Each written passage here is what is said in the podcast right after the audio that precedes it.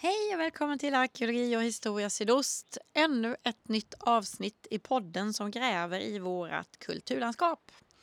I det här avsnittet så ska vi återvända till Kalmar och de grävningarna som just nu pågår där. Eh, sedan september 2021 så har det pågått arkeologiska grävningar alltså i Gamla stan i Kalmar. Vatten och avloppssystemet ska bytas ut och då krävs det förstås eh, stora arkeologiska utgrävningar. Alltså, och de har pågått då, ja, snart ett och ett halvt år och det har lett till massa häftiga nya fynd och nya miljöer och en hel del ny kunskap om Kalmars tidigaste historia. Det här avsnittet det börjar vi med där vi avslutade det förra, mitt på det medeltida torget. Vi hänger på Magnus Tibeus som är arkeolog vid Arkeologerna i Lund och tillika projektledare för hela det här projektet. Eh, han har jobbat jättelänge med stadsarkeologi vilket gör honom till den perfekta guiden för oss idag. Med oss i det här avsnittet bär vi en skrift och jag vill bara flagga för det. Den heter Ny arkeologi under gatorna i Gamla stan. Den innehåller eh, förra årets grävningar och resultaten eh, från eh, dem. Den är gratis och finns att hitta på flera platser i Kalmar. Men många av er bor ju faktiskt inte i Kalmar och kanske inte ens vägarna förbi. Så då går den att ladda ner från arkeologerna i Lunds hemsida. Jag kommer lägga den som länk också eh, under det här avsnittet och på eh, poddens hemsida arkeologi och historia.se. Som vanligt, eh, det här avsnittet görs med bidrag från Länsstyrelsen i Kalmar. Då då tar vi oss tillbaks till torget i den tredje största medeltida staden i landet.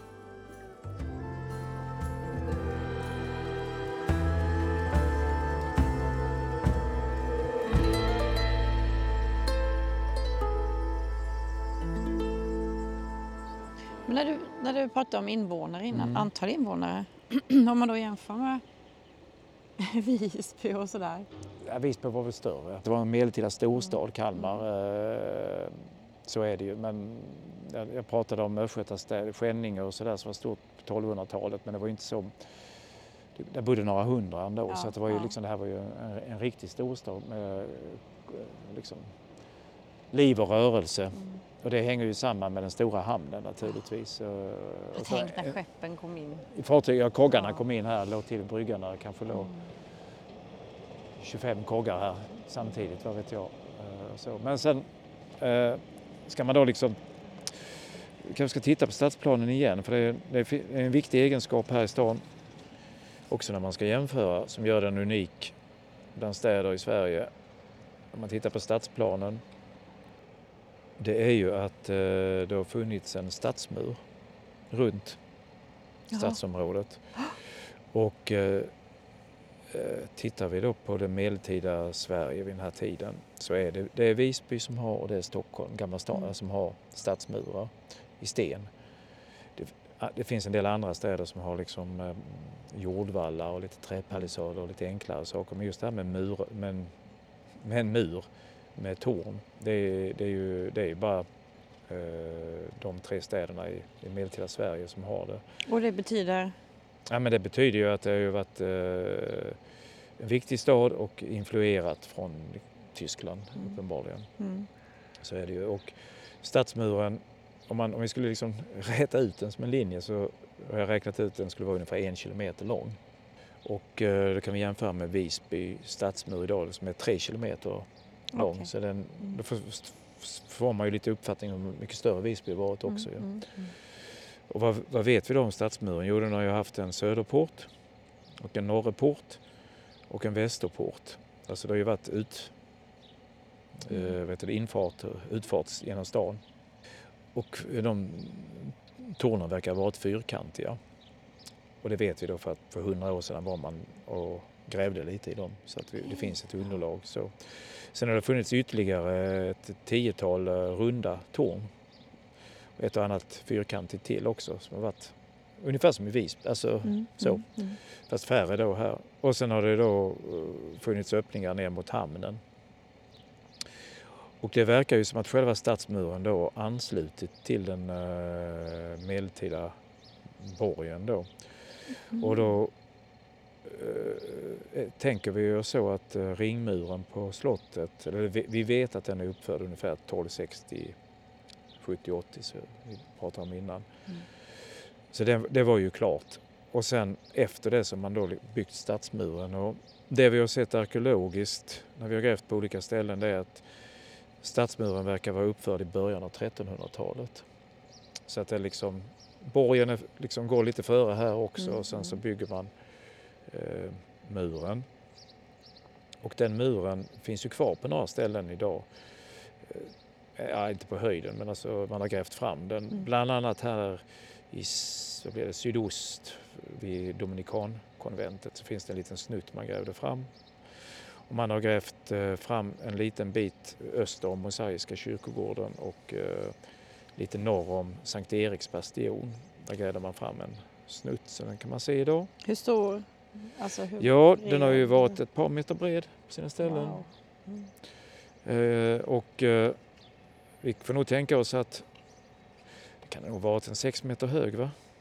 Så, ser det, så är den bevarad, i, eller framgrävd i, nere där idag. Men det, är det originalet vi ser där? Mm, det är originalet fast den, wow. är, den är lite påbättrad tror jag Mm. nog i och för sig. Men det, Mm. det finns original i den. Oj. Här har vi framme en del utav den då för ett år sedan, i maj förra året. Mm. Eh, och eh. Eh, och det, är då, det, det har liksom inte varit synlig mur här utan det är det, alltså själva grundläggningen. Sen så har det ju funnits en dagomur. Ja. Så vi kan nog tänka oss att, eh, att den har varit ja, s- sex meter kanske. Mm. Tänkte du då, ni som har grävmaskiner för att ta er ner, som de har kämpat den där Ja.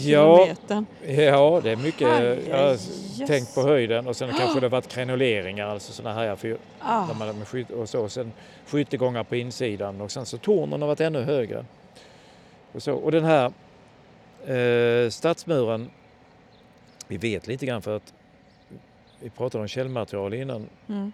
tänkeböcker, men vi har ju då kartor med. Och i, från Kalmar så finns den äldsta stadskartan vi har i Sverige från 1585. Det är ju otroligt tidigt. Men den här kartan, den, den är ju rätt så... Den gjorde man för man skulle bygga, eller när man skulle bygga yttre befästningsverk på 1500-talet under Erik den XIV och Johan IIIs tid. Då gjorde man upp den här kartan. Men då på något sätt så ritade man in, man får titta lite, du ser det lite tunt, där finns den medeltida just. stadsmuren kvar. Ah, där ja. Ja, på olika ställen. Eh, Så att den använder vi ju naturligtvis också som ett underlag när vi Mm. gräver och tolkar. Mm.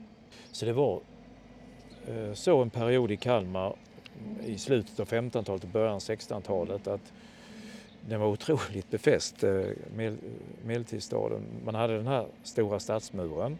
Mm. Sen i slutet på 1500-talet då byggde man ett yttre befästningsverk med flera bastioner, alltså eh, befästa anläggningar där man hade kanoner på. Och sen hade man jordvallar emellan som låg liksom utanför stadsmuren. Och det hänger ju samman med att eld, man började med eldhandvapen mycket mer på 1500-talet. Och sen på 1600-talet så byggde man ytterligare, och man hade en yttre vallgrav kan jag säga. Sen på 1600-talet så byggde man ytterligare ytterligare befästningsverk utanför. Så kallade hornverk kallas det, där man också hade kanoner. Kallas hornverk för det ser ut lite Och det är verkligen horn. åt alla håll och kanter. Alla håll och kanter. Och det finns spår kvar i backen Ja. idag också. Men, den var, och det var ju också sten och så, så att otroliga jobb är ju lagt på stan för att befästa den. Då, Ah. Från 1300-talet men ä- men även då slutet av 1500-talet och 1600-talet. Och det är ju så att det är ju, det är ju denna vevan också man bygger om slottet. Mm. Gustav Vasa börjar, eh, han river de medeltida byggnaderna inne på borgen och sen så bygger han nya längor inne på borggården och så, så bygger han de stora jordvallarna runt slottet där man satte kanoner och så. Och hörntornen som är postejer. Vi kan gå ner, vi kan ta en sväng ner och kika där. Eh, men eh, då stod ju liksom Kalmar på toppen. eh, på, men 1611 så inträffar ju katastrofen när eh, danskarna anfaller staden Mm. och Kalmarkriget eh, bryter ut då Mm. i maj 1611.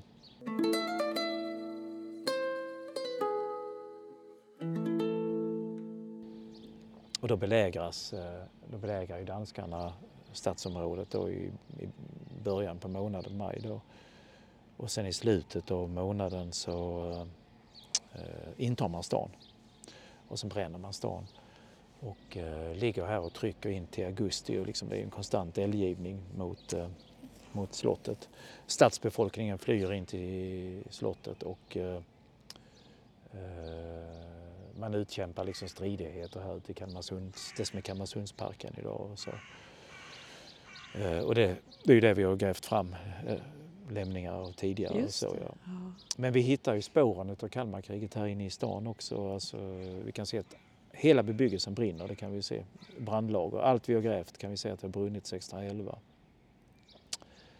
Alla källare har förstörts, brunnit och så. Och det kan vi, vi kan se eh, spåren då utav eh, det här, till exempel den här värjan som låg i en källare som är från den här tiden. Så mm. man kan ju tänka sig att danska soldater har barrikaderat sig här och suttit här tryckt och, så, och lämnat kvar vapen. Och vi, vi hittar ju ehm, kanonkulor. Vi hittar uh, min, ja, druvhagel och vi hittar eh, muskötkulor och sådär, ja, pistolkulor. Så det har ju varit närstrider även inom stadsområdet. Vilka ögonblick. Ja, men sen så är det ju det att ja, 1611 då, sen kapitulerar ju slottet i slutet av augusti, vi kan gå mot slottet. Mm. Och sen eh, kommer danskarna. Det var nog rätt så tråkiga år här då precis efter då. Sen så kommer ju freden, blir ju freden vid Knäred 1613. Knäred i Halland. Mm. Och då kan man börja bygga upp stan igen på ordentligt.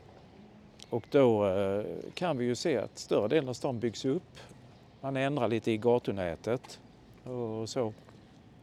Och är vi, vi är fortfarande här på den torget, gamla stan då? Alltså. Ja, torget ligger mm. kvar här och mm. så.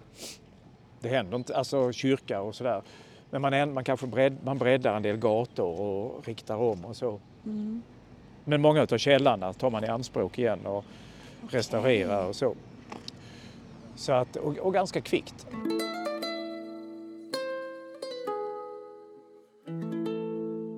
Sen kommer ju katastrofen 30 år senare, då lite 1647, så börjar en stadsbrand på en av gårdarna som sprider sig och eh, stora delar av stan brinner igen och förstörs. Och det kan vi också se arkeologiskt, att, att, att byggnader brinner. Vi ser liksom två tydliga brandlager här mm. på flera ställen. Eh, men då är, det ju, då är vi ju i ett sånt läge att eh, då hade man ju redan börjat fundera på att flytta staden till eh, Kvarnholmen. Mm.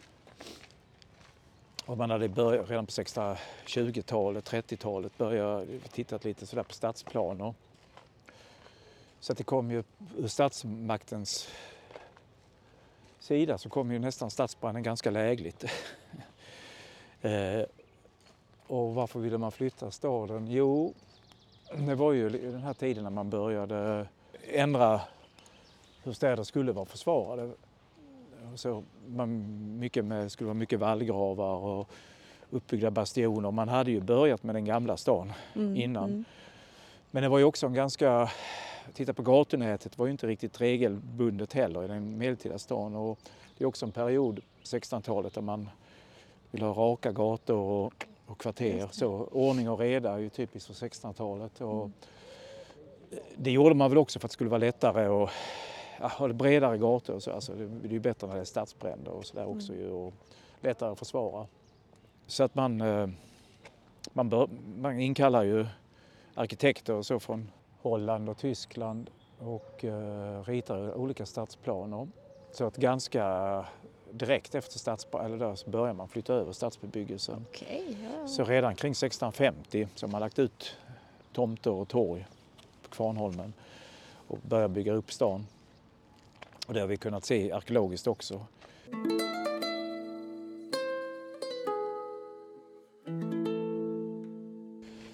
Men det var ju en del envisa människor som bodde kvar här. Alla flyttade inte direkt. Eh, det, det kan vi också se arkeologiskt. Eh, det verkar som att vissa gårdar eh, liksom lever kvar några decennier till. Alltså det, var, det kan ju inte varit så himla kul att bo här tänker man så, en avbränd stad utan infrastruktur. Ja. Kyrkan visserligen fanns ju kvar och man fortsatte begrava här men, och slottet ju fanns ju kvar men mycket av gårdarna måste ha stått liksom så rivningstomt och ödsligt och så men vi kan se på att det finns bebyggelse kvar här.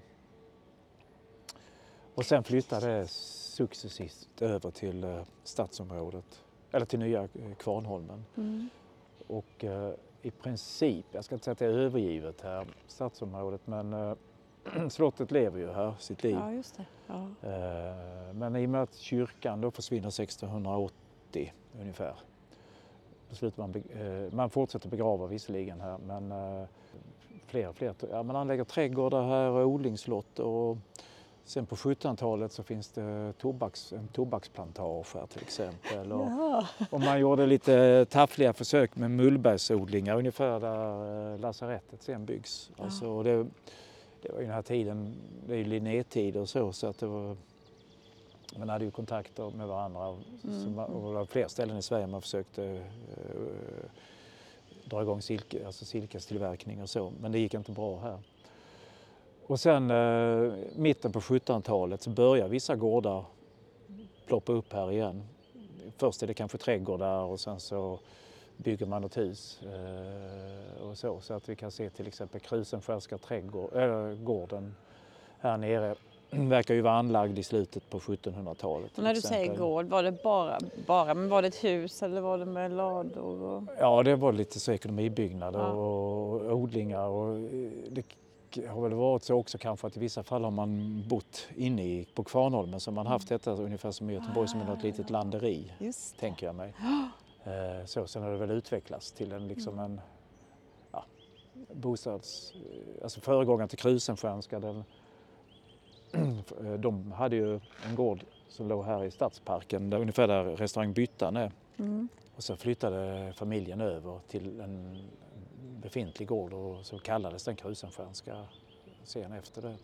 Det är de husen som finns här nu, då är det från den tiden? Nej, bara enstaka. Nej, bara enstaka. Eh, som det, som det vita är så. Sen ja. tror jag några av husen som ligger, det som är Klostergatan kan vara lite äldre men men det har kommit på lite det kom efterhand? Successivt. Men, ja, eh, men alltså på allvar så börjar man bygga här på mitten, andra hälften av 1800-talet. Ja, då, så pass? Ja, okay. så är det på allvar. Och det är väl då lasarettet byggs och sådär.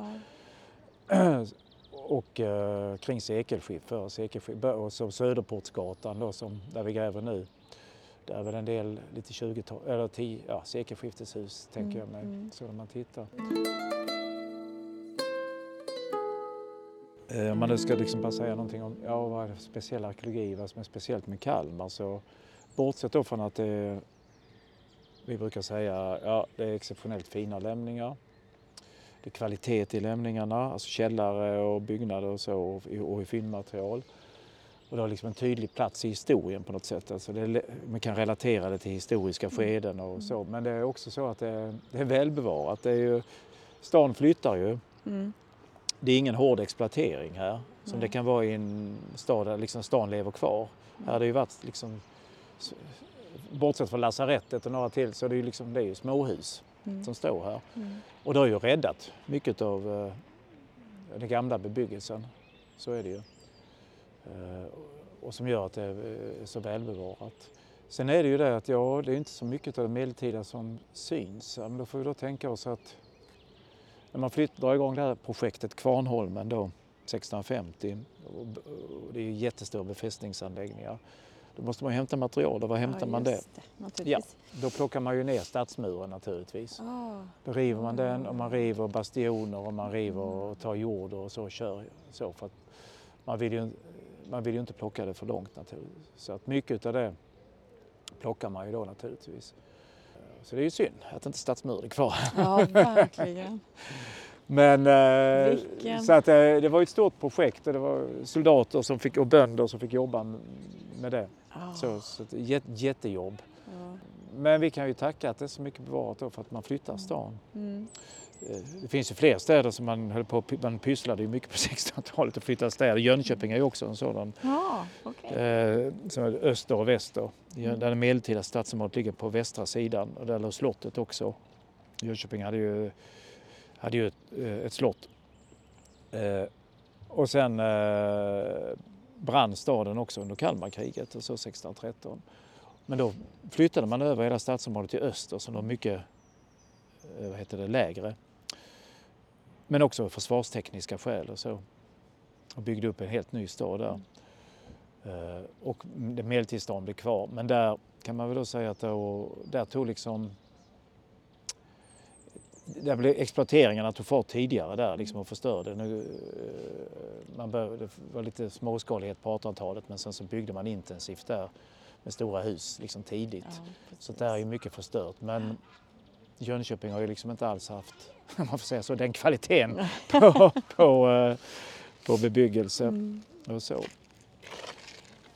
Ja, jag tänkte slottet här. Det finns ju mycket att berätta om slottet. Ja, det skulle man egentligen göra en egen grej Jag tror det. Jag Ja, tror man ska göra det för att då kan vi berätta om de grävningarna. Vi har jättespännande resultat. Eh, dels det från 2013 när vi grävde om eh, en, en ny köksbyggnad. Då hittade, det var det jag berättade om Ja, just 1100-talet. det. Sen har vi hittat en uh, okänd begravningsplats som hänger samman med Kalmarkriget. Men jag tänker att det, Ja, jag det tror, jag tror du, du får nog köra ett eget slotts, eh, Jag tror det också. slottsprogram.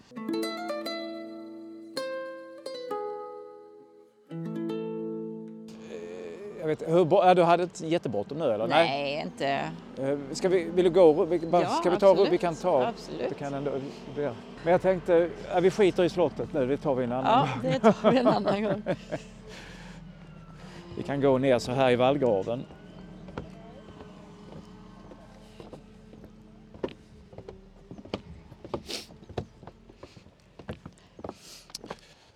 Här, eh, det här grävde man ju ut och restaurerade på 30-talet. Ja. Här var ju i princip en skog här nere, det växte Oj, träd och så. Okej. Så att man, eh, Men här har det varit ännu lägre då? det har det ju varit, det har varit vatten här som man har fyllt Mm. ut. Det, jag vet inte varför inte man gjorde vatten här på 30-talet igen, men det kanske var, var svårt att sköta det väl. Det är ju som, det känns som liksom en Walt Disney-film. Alltså, Nästan det här. Nej, men alltså, Ka- Kalmar slott är ju, det är ju de häftigaste vi har i Sverige, borgarna, så, alltså välbevarade. Det är ju alltså, du har rundtornen, de är medeltida. Ja. Inte, eh, och det är ju ringmur, gamla ringmuren som är liksom väggarna Mm. som de ansluter. Sen rev man allt på insidan på 15-talet. Och sen har man väl byggt på lite på höjden. Men Ja. det har ju liksom varit, ja, den här Ivanhoe-borgen, Ja. verkligen.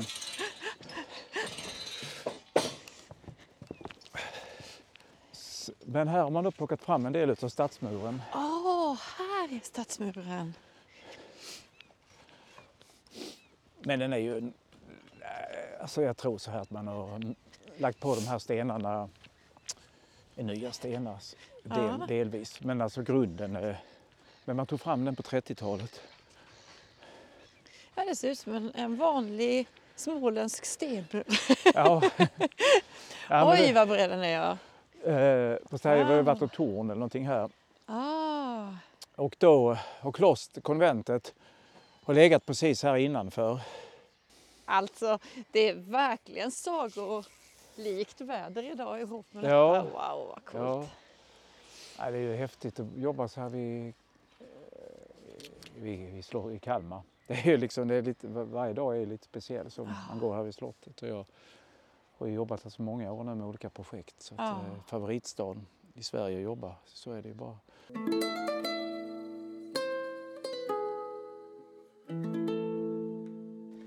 Eh, Så då får du tänka, här, här är ju liksom sydänden på stan. Mm. Så den går rakt över så. Så att är kyrkogård idag, det har ju legat stadskvarter där inne naturligtvis. Ja, Med gårdar och så. Och när sa vi, när, det, när blev detta kyrkogård då? Det blev kyrkogård 1860 ungefär, södra kyrkogården. Mm. Då anläggs den. Och det är ju den vevan då, liksom när stan expanderar ju, som vi pratade om det här slutet av 1800-talet. Ja, Och lasarettet kommer och kyrkogården. Jag tror man använder väl eh, alltså den medeltida kyrkogården delvis i alla fall fram till man bygger denna. Mm, mm. Jo, men jag kan väl bara säga, jag kan väl bara ge lite försmak om Kalmarkriget här. Nu är, ju, nu är vi ju utanför stan. Eh, och då 2013 så skulle man bygga denna bryggan här. Mm. Eh, och då när var det en observant grävmaskinist, när man satte skopan i, i backen så hittade man två skelett. Så då kom, kom vi dit och gjorde undersökningar och konstaterade att det var förmodligen, eller det var två män. Och analyserna, både naturvetenskap, eller naturvetenskapliga så, visar ju att de var ungefär stupade kring 1600 och isotopanalysen visar att de var uppväxta här i Är det här. Bo Knallström har Ja, varit då? precis. Ja. Det. Så att det här slagfältsprojektet som vi har, Mm. det utspelar ju sig delvis här på de här ängarna. Så vad vi har jobbat med här det är ju sen 2013, 14, 15 detektera och hittat fruktansvärt mycket projektiler bland annat. Ja. Men nu senast 2021 så grävde vi här. Vi har inte grävt så mycket utan har detekterat mest. Eh, Då hade vi indikationer på att man har hittat skelett här tidigare. Och vi hittade fyra okända begravningar här som ligger kvar. Som vi ska vid något, ja, när vi får pengar och tid och allt sånt där dokumentera och gräva Ja. ut. Som ligger så här djupt grunt. Oj, oj, oj. är, alltså det, är, det är så att det är ju, alltså då 1611 så har det ju varit Svenskarna gjorde utfall från slottet Mm. mot danskarna som låg här och hade sig tryckte. De låg ju som en- liksom ett pärlband runt. Mm. Och de har gjort utfall och då har, man, har det ju blivit närkontakt ju Mm. på vissa ställen. och Så, så då, det var sommar och så, man begravde inte när man bara, och de fick ligga kvar så när man bara skottat över det. Så det har legat så. så att, det finns mycket projektiler här, alltså kanonkulor och så, men det finns också stupade soldater här. Det finns okända löpgravar här. Alltså de skyttegravar, Ja, typ. okej. Just det. Ja, Mm. Mm. lite sånt. Så det ska vi förhoppningsvis jobba med i år och göra eh, laserskanningar och lite Ja. sådana grejer. Ja, För jag bara hör, fick det till mig och då... ja, ja, men det, ja absolut. Ja. Nej, men det är Mm. skitspännande naturligtvis. Ah, och det är intressant då för att eh, det är liksom en sån fixhändelse. Alltså man kan säga exakt när det skedde ju, de Ja, här stridigheterna. ja, Och det ja. ligger liksom så otroligt välbevarat. Mm. Eh, och då det vi står på nu det är en sån yttre befästningsanläggning från sent 1500-tal. Mm. Som jag visade, att de, de här yttre som finns. Just det, ja, ja, ja. De Ja. som ser Mm. ut som... Ja. Mm. Bastioner. Så. Ah. Och, så har det, och då har man byggt utanför stadsmuren då sådana. Mm. Så att när vi, nu går vi dit så kommer vi att se ytterligare en.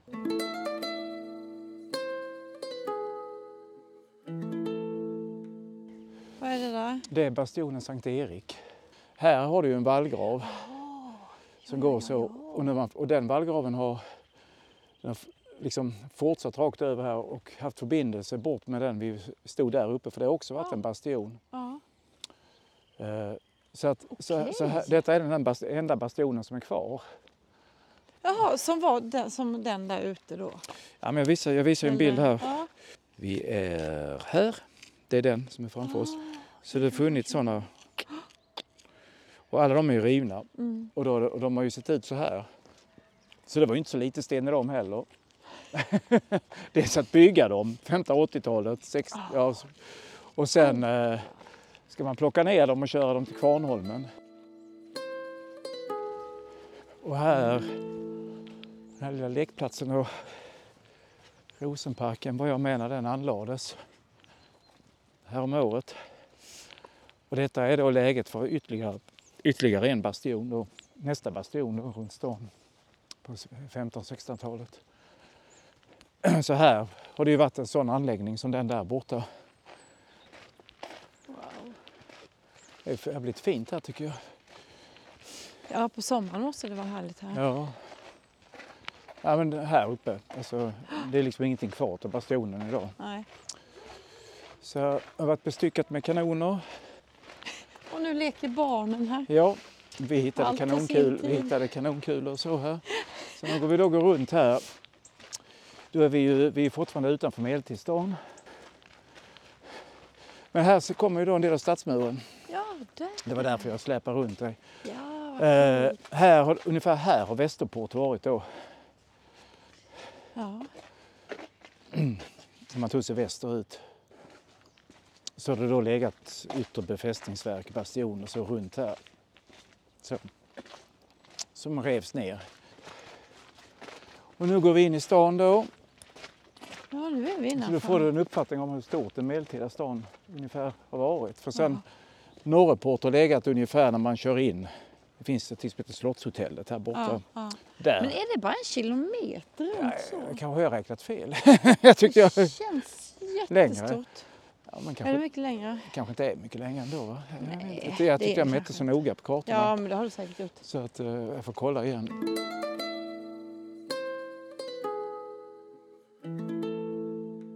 Men vad, gör det, vad, vad är det ni gör precis just som idag? Idag gräver vi på två ställen. Väster- Och eh, det, alltså, det, det går till så här. Ja, nu plattar de till där. Det går till så här att man gräver kanske sex meter åt gången Mm. ner. Och sen eh, eh, och då dokumenterar vi allting så i botten. Och det brukar, Sex meter? längden, ja, gatan ja. ja. Och det är ungefär det är den tiden som rörkillarna vill ha för att lägga eh, röret. Liksom. De, de, det är de sträckorna de har åt gången. ja. Eh, Men hur lång tid tar det? Jättedjupt.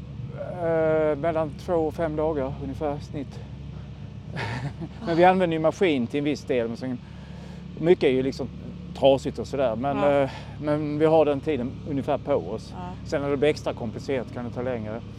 Och då gräver vi klart. Och när det är klart så får, då lägger man ju rör och fixar så och så. Mm. Och sen... Då eh, bara backar ni då och fortsätter? Ja, liksom, tar det väl några timmar för dem att fixa det. Sen så är det på det igen. alltså de lägger rören och sen Ja. fyller igen. Mm. Ibland är det lite mer komplicerat. Det kan ta en dag för dem. Ja, då kan vi sitta och Ja, vi har ju så himla mycket att skriva och fixa och dona så att vi har... ibland är man ganska glad att man får den där pausen. Ja. Så, så Ja, så att ni teamar så hela tiden Ja, då? men då ja. kör vi så på två ställen. Vi ska se här hur det ser ut här nu.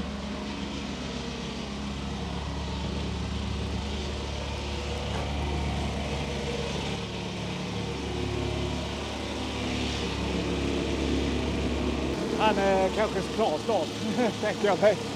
Vi kan vänta, det kan flyttas. Vad jag skulle visa här, det är en av de här medeltida källarna med golv som vi har framme. Men det var... Men just arkeologin, vad, vad är förhoppningarna? Att det ska... Nej, men det var som jag nämnde innan här att ehm, det, det blir ju liksom en unik möjlighet att få en, ett tvärsnitt genom en medeltida stad. Mm. Och inte vilken stad som helst utan en av de viktigare i Sverige under medeltiden. Storskaligheten är, är ju spännande där att vi kan jämföra olika stadsdelar och det, och det är ju liksom unikt med ett sånt här projekt. Det kan man ju inte när man är begränsad till liksom kanske en yta ibland. Nej. Och här kan vi jobba med samma metoder på olika ställen. Alltså ibland kan man kan ju kanske ha ett stort arkeologiskt material så kan du ju jämföra olika delar men då kan det ju vara grävt 40 år mellan med, Ja. med helt olika metoder. Och här kan vi ju liksom jobba med en liksom så. Mm. Vi gräver det på samma sätt. Och vi liksom analyserar det på liksom samma sätt och då blir det liksom jämförbart på något Mm. sätt. Det, det blir jätteknepigt ibland att jämföra när det är helt olika metoder. Ibland kanske man inte har samlat in djurben, ibland Nej. samlar man in. Och Mm. i- ibland, och så är det med fynd också. Och, det, och, och ibland mäts den till. Så att det är liksom... eh, Det, den storskaligheten är metodik och så. Sen så är det ju, kan man ju göra, ställa massa spännande frågor på det. Jag, jag, jag pratade om de här olika sociala rummen, man kan göra någon slags socioekonomisk topografi över staden och, Mm. och olika skeden. Och sen så kan man ställa sådana specialfrågor, tänker jag. Jag tänker på det här, liksom, vi lever i en kristid nu ju. Ja. Men här, här har vi ju liksom två stora samhällskriser som vi ser i det arkeologiska materialet. Mm. Jag pratade om Kalmarkriget Mm. 1611 som ju var en jättekris här naturligtvis. Man brände staden, man fick börja om från början. Och då är man ju nyfiken på hur man jämför tiden före Kalmarkriget och liksom hur var det liksom sen när man byggde upp den och vad skiljer sig och likheter och ändrar man. Så. Men vi har ju en annan jättestor samhällskris och det är ju digerdöden. Ja. 1350-talet, kring 1350. Mm. Och eh, man har ju gjort mycket landsbygdsstudier utav digerdöden. Mm. Eh, tittat på liksom gårdar som har ödelagts. Mm. Och, så, och man kan se, ha sett liksom skillnader i hur man odlade och sådär. Ja, men det har inte gjort så mycket studier på städer. Nej. Eh, så. Och det är också för att det har varit svårt att göra det. Mm. Här tänker vi oss så att här kanske vi kan se vad, vad händer i stan kring 1350 för då, just då början av 1300-talet så har det nog gått ganska bra för Kalmar för då har man byggt stadsmuren då början av 1300-talet och borgen är fullt utbyggd och så. Så det är liksom en, det är liksom en eh, stan mår nog jättebra då. Så, så kommer digerdöden och vad innebär det? Innebär det att eh, gårdar ödeläggs och mm. eh, faller, liksom står tomma och så?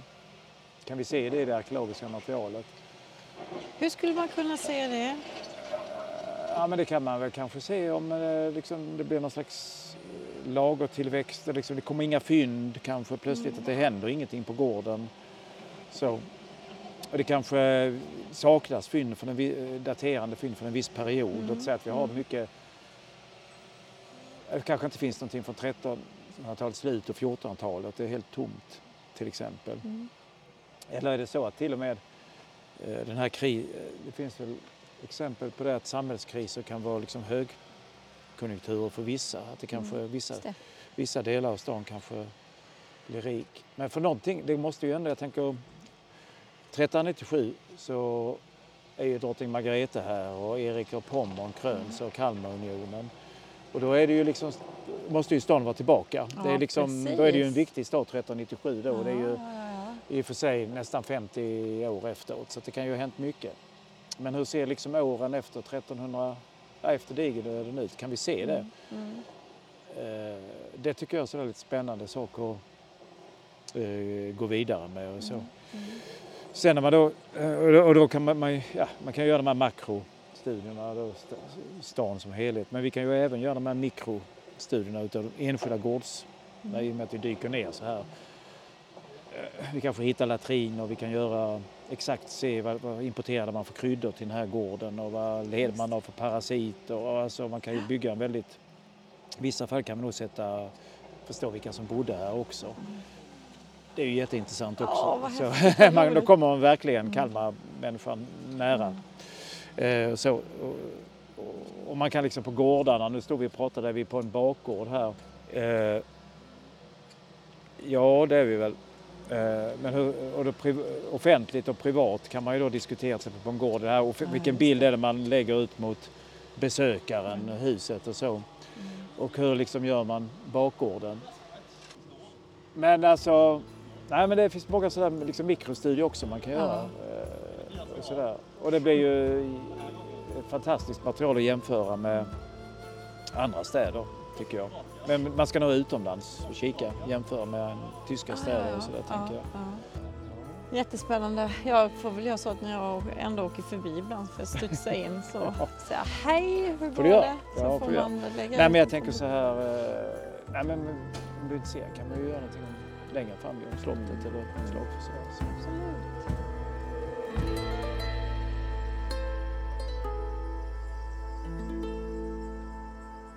Tack säger jag till Magnus Debeus, arkeolog vid Arkeologerna i Lund. Och ni, jag kan nog med ganska stor säkerhet säga att det kommer att finnas anledning till ett eller flera återbesök i Kalmar under det kommande året. Ja, eh, är du intresserad av att se lite bilder och så, så kan du hitta det på poddens hemsida arkeologi och historia.se. Men vill du se riktigt, riktigt bra bilder och mer text och mer information då påminner jag dig igen om skriften Ny arkeologi under gatorna i Gamla stan. Den finns i fysisk form runt om i Kalmar men även i digital form på arkeologerna i Lunds hemsida. Och som sagt, jag har eh, lagt till länken i texten till eh, till det här avsnittet och den finns även på poddens hemsida. Eh, följ gärna podden på Insta och Facebook. Eh, där heter vi Arkeologi och historia sydost och vill du lyssna på fler avsnitt så finns den där poddar finns. Eller på arkeologi och historia.se. Och jag som håller i trådarna i den här podden heter Lena König och återigen säger jag tack till Länsstyrelsen i Kalmar.